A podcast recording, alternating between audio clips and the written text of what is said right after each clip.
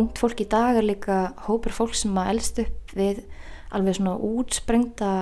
klámklessu í öllu sem að sækir í kvikmyndum og tónlist og, og upplifir síðan alla þess að bara áttu gegn þessum kultur þar sem hann er strípar niður og, og það búið að taka okkur. Ég held sko myndlistar námið það verður verið langmest áhrif af valdurinn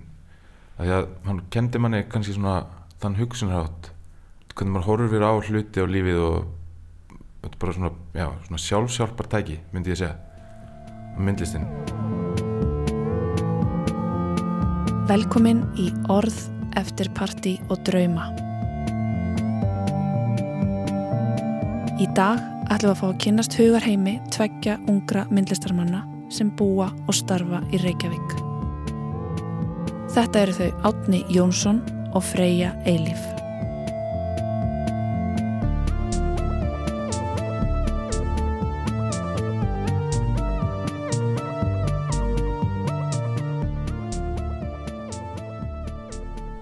Heiti Árni Jónsson og útskriðast úr listaháskólanum 2016 Við erum sérst stöddina heim hjá mömmunni í Reykjavík um, vegna þess að ég bý í Rotterdam þessa myndina að þessa stundina og er sérst kærasti mín er í starfsnámi þar og ég ákvaði að fylgja með og maður bara til að lifa og við fengum stórt og flott húsnæði og góðum kjörum og það sem ég geti verið með vinnuðarstöð og já, ég reyni að búa eiginlega erlendis svona mestan hluta ársins og millið þess að ég kem til Íslands til að vinna vinna í leikmyndagerð sem er líka ótrúlega frábært og tengist alltaf millistinni mjög mikið eða svona upp á þessu marki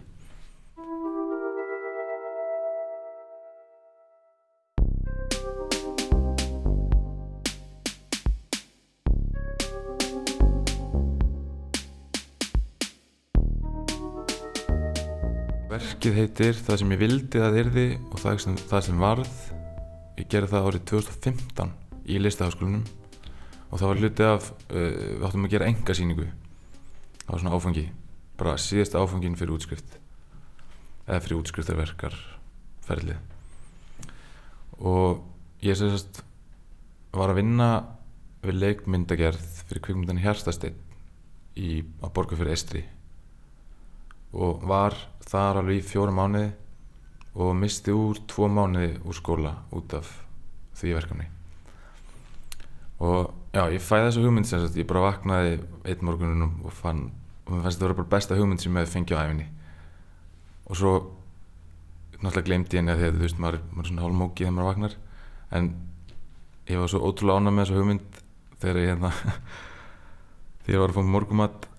að ég varð bara munana og svo, svo myndi hana og ég var bara hvaða bölvað rugg er þetta? En ákvað bara að kila það og bara gera þetta. Eða þú veist bara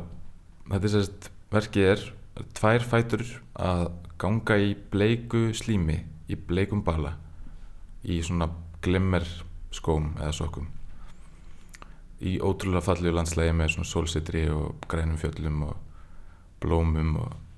alveg bara svona já, öfgari litum og ótrúlega milliltrið og bjart og fallegt og en svo eru fætunar þungir þess að slími er þungt og sleipilegt og það er svona hann ekki beint svona gleði og fegurð í göngunni sjálfur og ég sagt set bara mínar svona tilfinningar og ég sagt var með ákveðna vonir og, og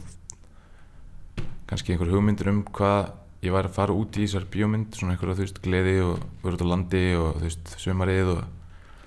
en svo var ég sagt í ástasorg á sama tíma og var átti erfitt með einhvern veginn að setja mig eitthvað við það og það má held ég svona að segja að þú veist stöðununin hafa eitthvað verið ég fastur í þessu bleika slími í því sem ég langaði að gera að vinna við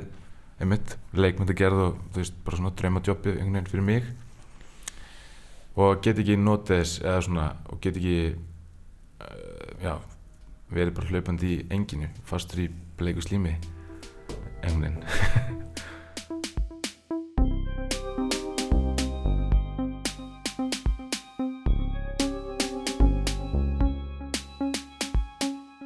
Ég held að bakgrunnum minn í byggingar eðinæði og þá líka uh, leikmyndagerð og einnig vann ég þjóðlíkusinu með listaháskólanum. Það hefur mjög mikil áhrif að ég, finnst mjög gaman að smíða og, og byggja og allt sem er tengst í handafinu og mér finnst mjög gaman líka að sviðsetja og búa til þá þannan heim sem að ég síni vítjón í sem eru oftast algjörlega búin til frá grunni. Þannig að þetta er ótrúlega mikil eftirvinnslega sem ég set saman já, bý til heiminn algjörlega út frá hugmyndinni sko.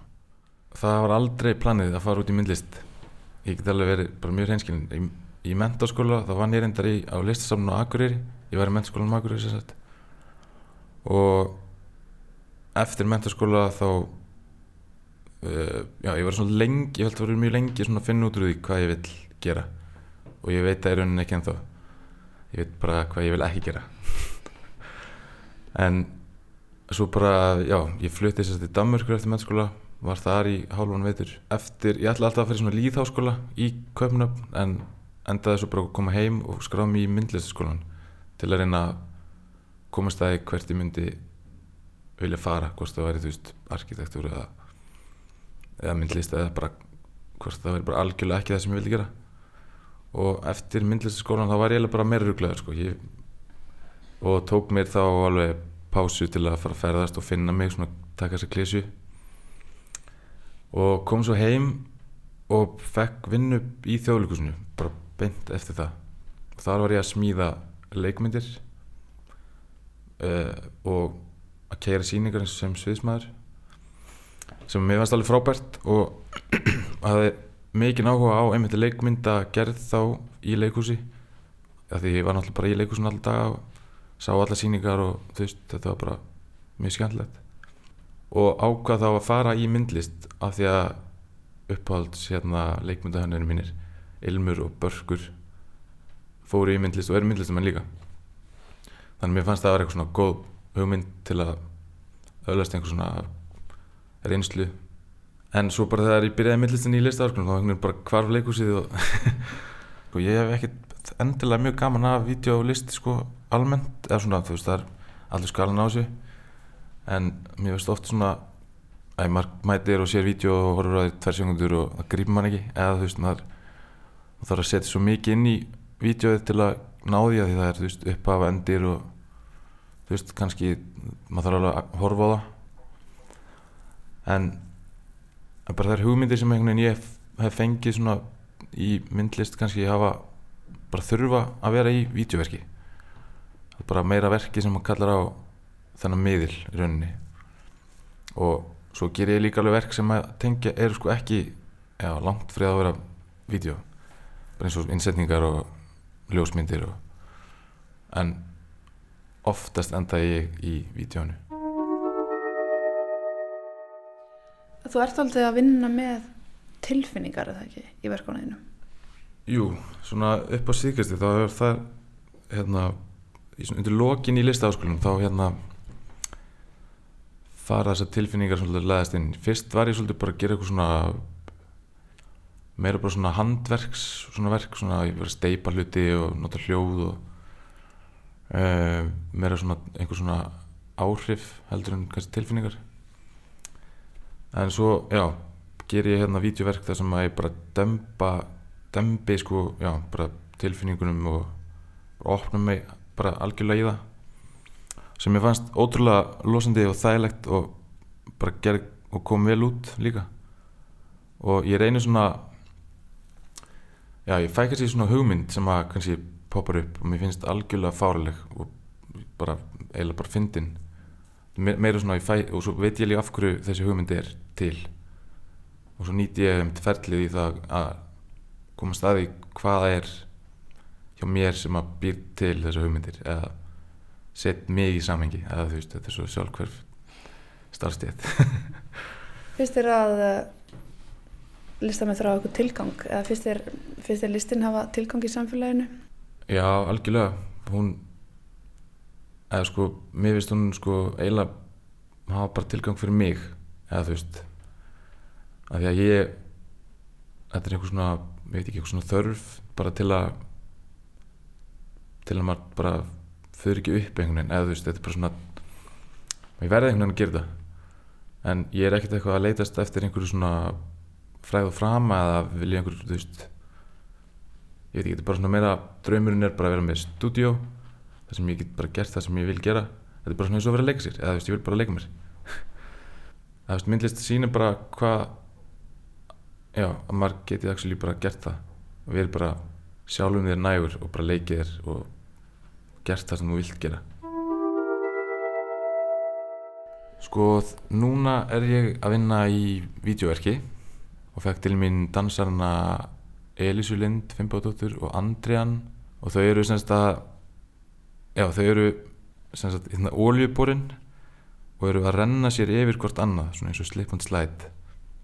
Og ég er núna í fullu í eftirvinnslu af því verki og er svona komast að hvað þetta er, þetta verk. Og ætla að reyna von, vonandi að sína það núna í, í júni ef ég finn mér einhvern stað til að sína eða þá bara eiga það inni upp af því að ég er að fara beint í annað verkefni núna í, í kveikundabransunum en ég ætla að reyna ég er líka með ádagsgrá að taka upp annað vídeoverk þar með Indriða sem útskriðast með mér tónlistamæður og myndlistamæður sem verður sko bæði notað sem tónlistar myndband fyrir hann og svo mun ég gera svona útfærslu af því sem að væri þátt að sína á í galeri eða hvað sem er. Já, svo bara er ég eitthvað að reyna að dundur út tillögum og reyna að sapna bara í svona tillaga banka til að geta sínt þegar tækifæri gefst.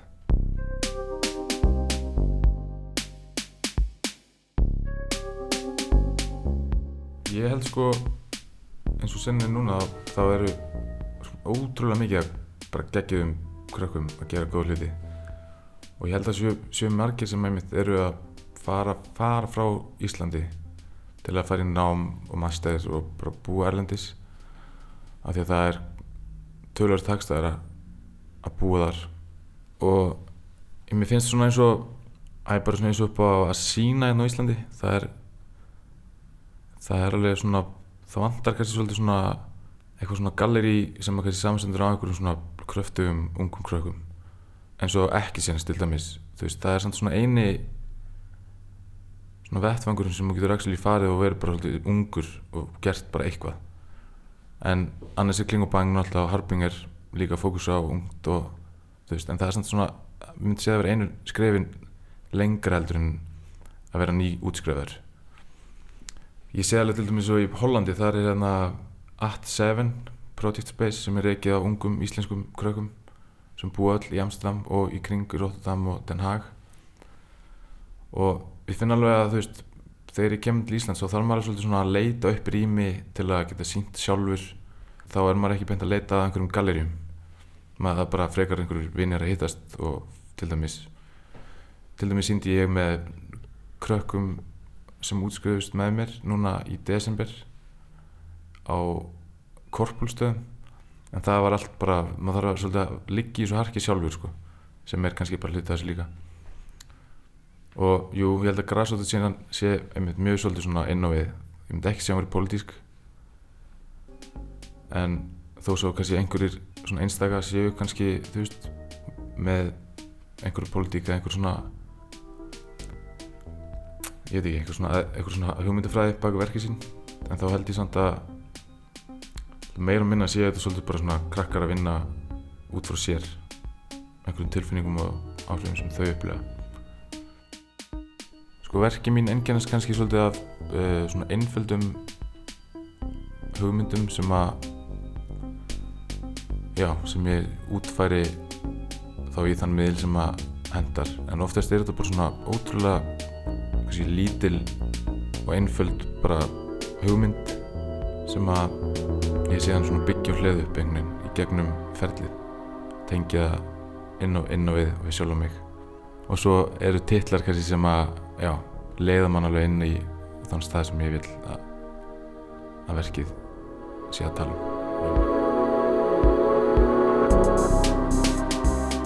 Ég held sko myndlistarnámið hafi örgulega verið langmest áhrif af valdurinn að því að hann kendi manni kannski svona þann hugsunarhátt hvernig maður horfir á hluti á lífið og þetta er bara svona, já, svona sjálfsjálpar tæki myndi ég segja á myndlistin. Að geta fengið hugmyndir úr einhverjum smávalum ljósgliturum eða bara svona hort aðeins kannski með öðrum augum á það umhverfi og það sem er næstir einhvern veginn. Eins klísulega á það hljómar. En þá finnst mér það bara eiginlega vera mér finnst allir ættu að fara í myndlist sko. bara til að einhvern veginn öðlast þessa sín þó svo að veist, myndlist sé ekki endilega það sem, sem er, veist, bjargar heiminum eða þá einhvern veginn svona losun. Já,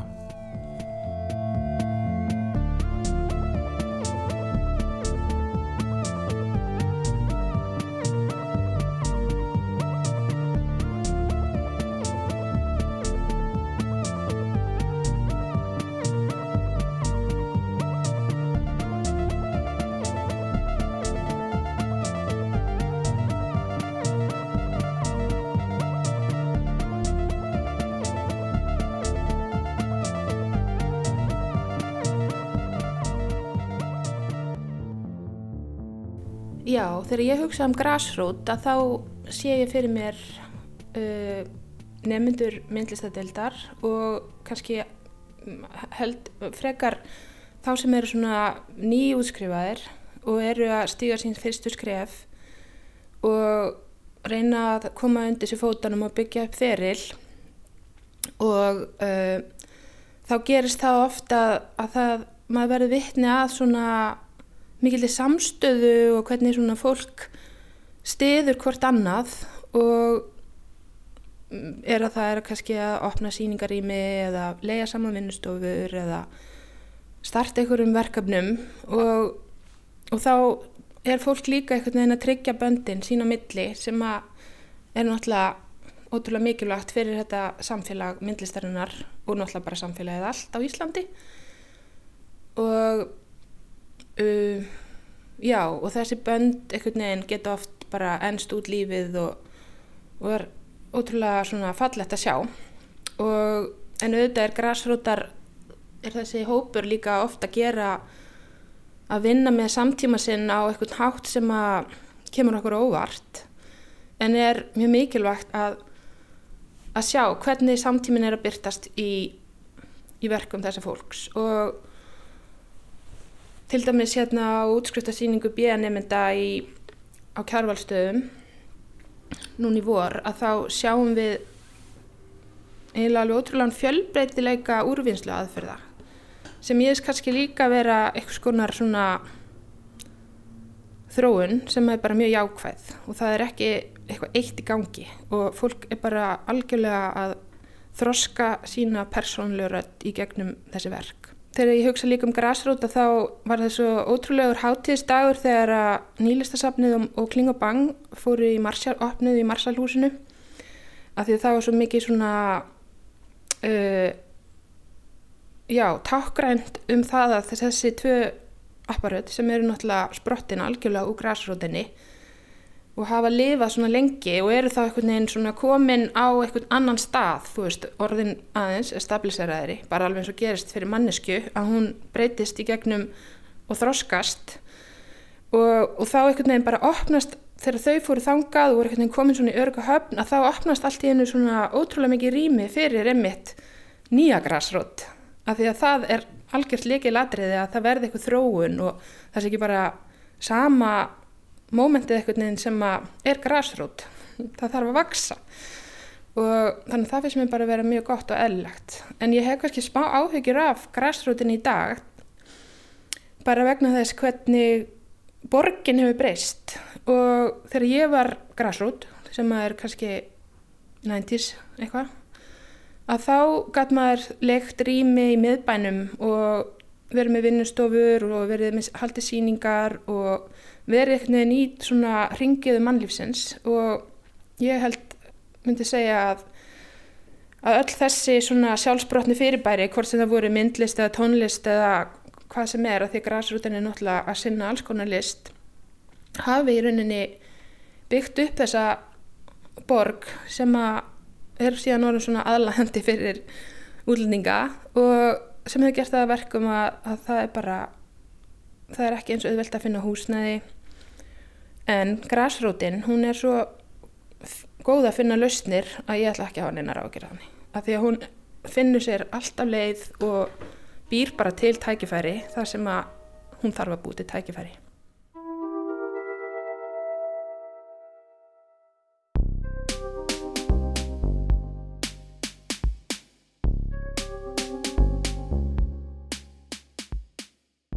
Ég heiti Freyja Eilíf og ég er myndlistakona. Við erum stödd í Ekkisans rými á Bergstæðastræti 25B sem er rými fyrir sköpun og tilraunir í listum. Þetta hús er, uh, þetta er rúmlega 100 ára gamalt bárjáshús í Þingoltunum sem að langama mín kefti sem ung kona og hérna ég ólst mikið upp í þessu húsi, tóldi mikið hjá uh, langumum minni bæði og afa mínum og ömmum minni sem bygg hérna líka og það vil svo til að núna vinn ég líka í þessu húsi að því að ég er að sjá um þessa þennan vettvang hérna sem er núna á neðri hæðinni sem að var undir það síðasta rýmið sem að afi minn notaði fyrir sjálfansug bara og, og sitt stús en hann var líka myndlistamæður. Þegar ég útskreðast úr listaháskólanum þá var ég mjög uh, innblásin af því hvað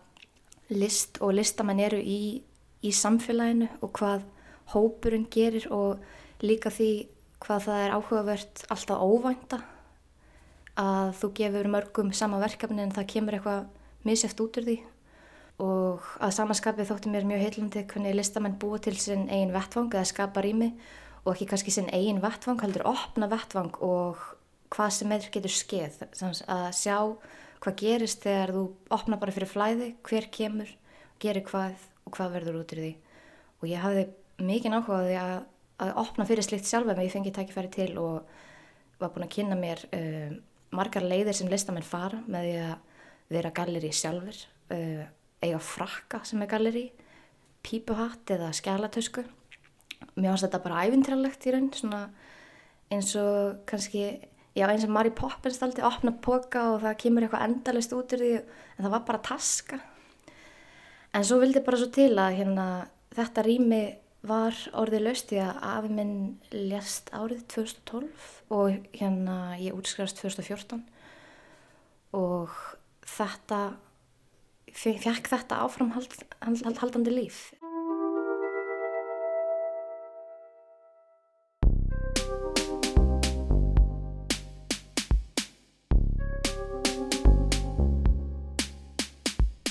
Þegar ég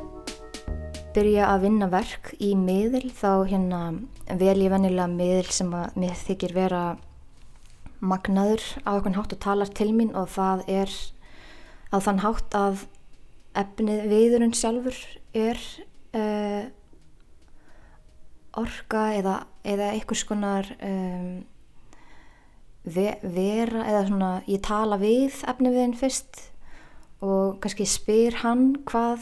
hvað hann geti gert. Mér gerir þetta klika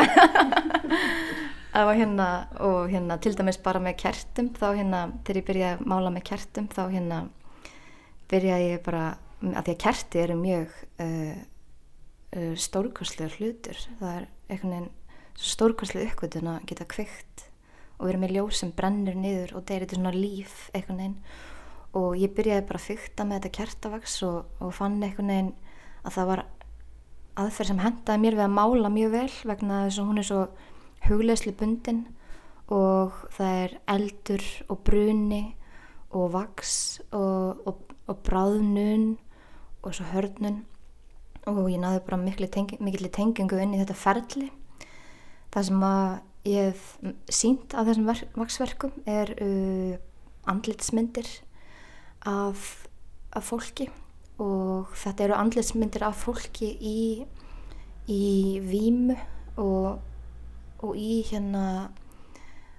í rauninni áfengisvímu og þær heita fá allar sinn titil sem að eru bara allt flæði íslenskra orða yfir þetta ástand. Sótölvaður og, og haugadrukkin og og þetta er hérna á einhvern hátt er þetta ekki aðeins bundi við það að styrti sig áfengi heldur líka bara að, að hérna taka móti flæði og hérna verða, verða mettaður eða, eða marineraður í ykkur orku og hérna klessa af hugmyndum og, og áhrifum og tilfinningum og, og góðu og slæmu. Svona eins og andlegar ælur kannski þegar andletið að þeir er bara orðið hérna sínir alla æluna sem að býr innan með fólki af, af því sem að tilherir einni mannveru og brýst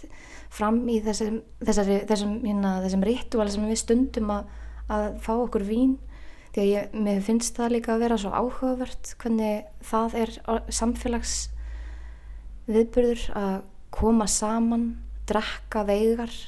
og fara saman í þetta ástand sem er svo styrlað það er hérna fallegt, hættulegt, skemmtilegt leiðilegt, það er ást og ofbeldi, þetta er, er svakalegur heimur sem að þessar, þessum hérna, heimi.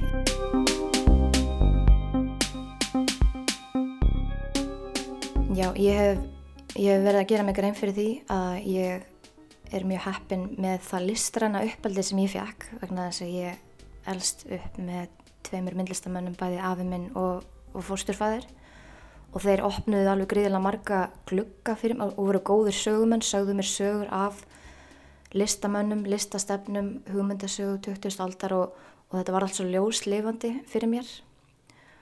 og mjög spennandi heimur en ég fór aðra leið. Ég stemdi lengi að það svona í alvörunni sem er svona skemmtilegur, svona órunnsær hérna draumur ungra mannesku að mér langaði að verða stjarnælisfræðingur og líklega var það mjög listra draumur hjá mér að vilja það að því ég ímyndaði mér að ég geti eh, lifað lífi í einhverju svona magnari þekkingaleit og fundið einhver svör og tekið þátt í því í þessum heimi. Og ég fór í, í mentaskólinni í Reykjavík og, og á eðlisfræði braut og, og held ég hérna gæti farið þangað. En svo bara við útskrift þá fann ég að ég var bara á okkur um rungum stað og það var eitthvað svona rangt í minni tilveru og mér fannst eitthvað en ekki mér fannst að mín lest ekki verið að fara á réttan stað þannig að hvað að fara í myndlistaskólan í fornum ég raun bara til þess að hugsa málið. Og ég var náttúrulega ekki lengi þar að finna svarið við minni spurningu það var bara að ég væri einfallega ekki vísindamæður ég væri listamæður Það eru margi snertifleitir á vísindum og listum en á sama tíma er þetta tveir heimar sem að standa mjög langt í burtu frá hverjum og mín álgun á vísindum og starffræði og eðlisfræði var mjög listræn sem að var líka það sem kom í veg fyrir að ég geti haldið áfram á þeirri braut í háskólana. Það sem er spennandi er að, að skeita þessu tvennu saman og sjá hvað gerist þá að stunda vísindi með með listrannum hætti og líka skapa myndlist með vísandilegum hætti. Og þar er ímislegt ákannað og er, þetta er mikið hérna verið að gera í dag og þetta er spennandi þekkingalett og nýstarleg líka. Á þessu ári hef ég verið að vinna mikið með listranna rannsókn í gegnum um, drauma og huglöfslur til þess að rannsaka mið sem að eru á svipiðu svæði sem að nota uh, þennan, þennan hérna, heim sem býr í annari vít sem eru draumar og, og þannig að við förum í okkar innra heim. Þessi andlega mið til þess að kanna líka uh, þessi óþöktu mið. Í raun það sem að við þekkjum ekki alveg nógu vel en reynum að rannsaka með tækjum og tólum sem gefa okkur ekki skýrsvör og meðal annars hvernig heimur tölvunar og, og internetsins er að skarast á við þessi, þessi með þennan heim okkar og hvað við erum að gera sem að því að við erum auðvitað andlegar verur og við erum að nota þennan tækjabónað mikið, við notum hann fyrir samskipti og við erum að setja inn í hann orð og hugmyndir og mig langar að rannsaka hvernig tölvan og þessi heimur tekur við okkar andlegar orku, hvernig okkar uh, hvort til dæmis að tölvan geti búið yfir andlegum heim, hvort hann geti sprottið upp þann, hvort að við höf, höfum þann mátt, uh, hvort við séum þess megnug að vekjan með okkar eigin orku svo að tölvan verði allt í hennu andlega vera með okkar draug. Og já, þetta er dulinn heimur og hérna mér varst það mjög farúllinlegar þannig að ég fór uh, inn í svona tölv, hugleslur inn í tölvuna í rauninni að því að þá einbytti ég mér að bara að því fyrirfram að fara bara inn á svæðið hennar í hennar vít og bara aðtöku hvað ég sæi og hvað ég myndi finna þar. Koma síðan út úr því og, og hérna varðveita liklana sem ég fengi á formi listaverka og þannig reyna að kortleggja eða fá okkur svör við því hvað er að gerast inn í þessu neti. Það sem að kemur út úr þessu, þessari aðferð hjá mér uh, í listaverkum er ekki bara fagurfræði því maður tekur með sér heilan heim og upplifun og meðal annars mjög skinnbundin upplifun sem maður, ég allavega, sett fram á hátt sem maður reynir að að fanga upplifununa á formi myndverka eða tónverka og þannig leita ég síðan eftir huglesluna eða eftir ferðalægið þá leita ég gegnum miðla listarinnar og þegar ég finn hvenar hérna ég er búin að finna svarið þá leita ég og gerir tilrunir þá til ég finn þetta er að harmonera við það sem ég vildi setja fram. Svo nátt þetta að vera og þá er það orðið svona líkil og uh, með verkið sem að ég setti fyrst fram í Noregi þar sem að ég var í vinnustóðvöld í Norður Noregi þar gerði ég til dæmis einfallega tvö verk bara um sjálft verðalæð og sjálfa hugleiðsluna inn á stafrannarvítir og uh, verk um það að leita að þessum liklum og þá var það rými sem maður var hægt að ganga inn í með stóri vörpun og hreyfimund sem að fór yfir uh, alla vekkina og loftið og lísti líka upp litla skúltura á gólfinu sem að voru þeir likla sem ég hafi skapað á þeim tíma sem ég var þar. Og þannig að þetta var líka verkið sjálft var í rauninni uh, kynning á þessari rannsókn eða þessari, þessari leit sem að ég var í og, og listrarnir rannsókn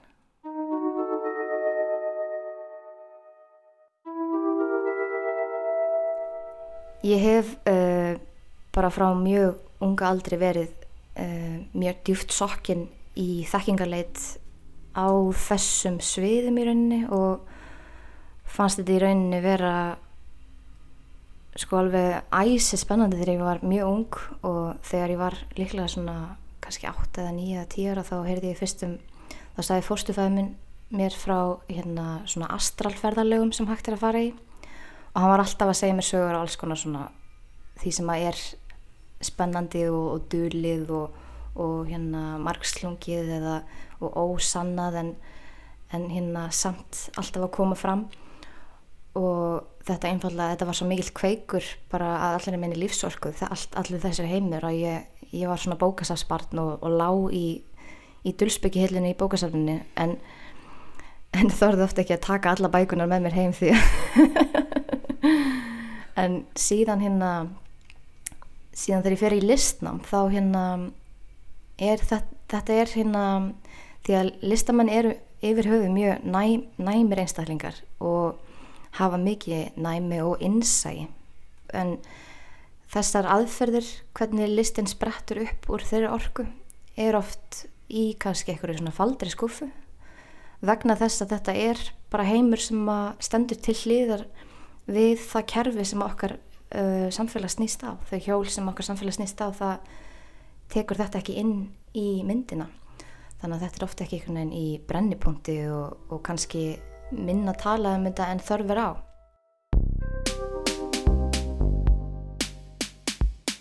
Það er mjög mikilvægt fyrir Íslandinga að, hérna,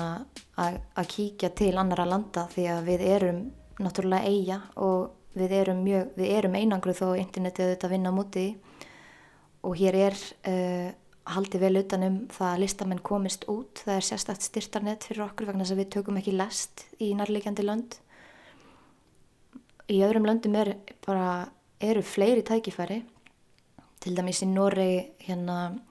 er haldið svo velutunum listur og menningu að þar hérna fá uh, listamenn greitt fyrir vinnu sína. Ég, uh, mér var búið þangað í vinnustofu dvöl og fekk greiðslu til þess að geta verið þar að vinna og þar var líka mjög áhugavert að fá bara að opna til dæmis að, að vera með opnun í útlöndum á öðrum stað getur verið svo gott því að það kom, koma miklu fleiri aðrir og spyrja út í það sem ert að gera. Hér hérna er oft uh, allt svo náð að þú hugsa kannski með þér í spyr manneskina setna og, og í dag ætla ég bara að drekka vinn með henn og fagna en, en það var hérna, já það er svo margt nýtt sem kemur út í því þannig að ég hef hérna, það hefur verið mikil gjöf að, að fá þessi tækifæri að vera í útlöndum. Já ég hef lært kannski af þessum ferðalögum mínum um, hvað hvernig lista sinna Reykjavíkur stendur og þá líka miða við stærð á bara til dæmis Reykjavík og, og því hvernig hvað við erum í rauninni fá en höfum byggt upp og í rauninni bara listamenn okkar, okkar lista, listasögum hafa byggt upp uh, uh, fallegt umhverfi og, og fallega listasögu á ástriðu einni saman á hugssjón og, og þetta eru svo mikil auðafi sem við eigum og þau eru merkileg með að við hvað við erum fá. Og okkar markaður gengur út á ekki bara að því að peningar hafi ekki alveg öll völdin yfir hérna okkar listasinni það er hérna, það eru fá galleri hérna sem er að vinna með þann markað. Og fólk er venilega að fara út í þetta ekki með það fyrir augunum að ætla að reyna að komast á samning hjá alveru galleri að því að við þekkjum bara þann heim ekki neitt rosalega vel. Auðvitað langar öllum að ganga vel og fá tækifæri til þess að sinna, sinna sínu en það eru svo margar leiðir sem við förum til þess að gera þetta eitthvað neinn og það er mikil, mikil ástriða sem að knýri þetta áfram og það er hérna, það er svo jákvægt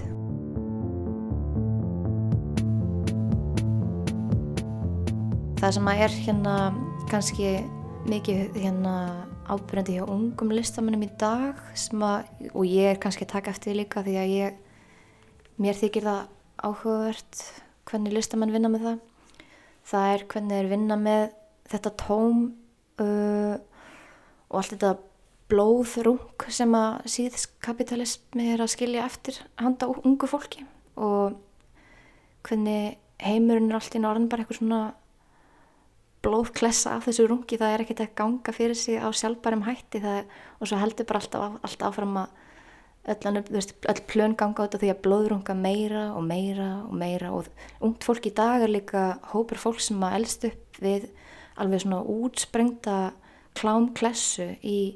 sínu um, öllu sem að sækir í kvikmyndum og tónlist og, og upplifir síðan alla þess að bara áttu gegn þessum kultur þar sem hann er strýpaður niður og, og umræðan verður opinn og, og við lærum alls saman um það hvað er búið að gera okkur sem uh, gera við okkur sem að því við erum andlegar verur, kínverur og, og það er búið að taka okkur uh, inn í þetta blóðrang og ruggla allt fyrir því hvernig við getum verið til og átt samskipti við hvort annað og verið hérna kona eða maður eða, e, eða það sem við viljum vera eða hán og allir þessu heimur er, a, er að strýpast niður. Það er svo áhugavert og þegar þetta kemur fram hjá unga listamennum þá hérna það, er, já, það kemur oft fram á mjög áhugaðan hátt. Er, mér hef bara kannski áhuga að fylgjast með og ég sé þetta mikið hjá ungum listamennum í dag. Og líka hérna á mínum ferðalögum þá sé ég þetta umfyllunarefni það finna allir fyrir þessu og hérna og þegar maður setur þetta fram svona sem listamæður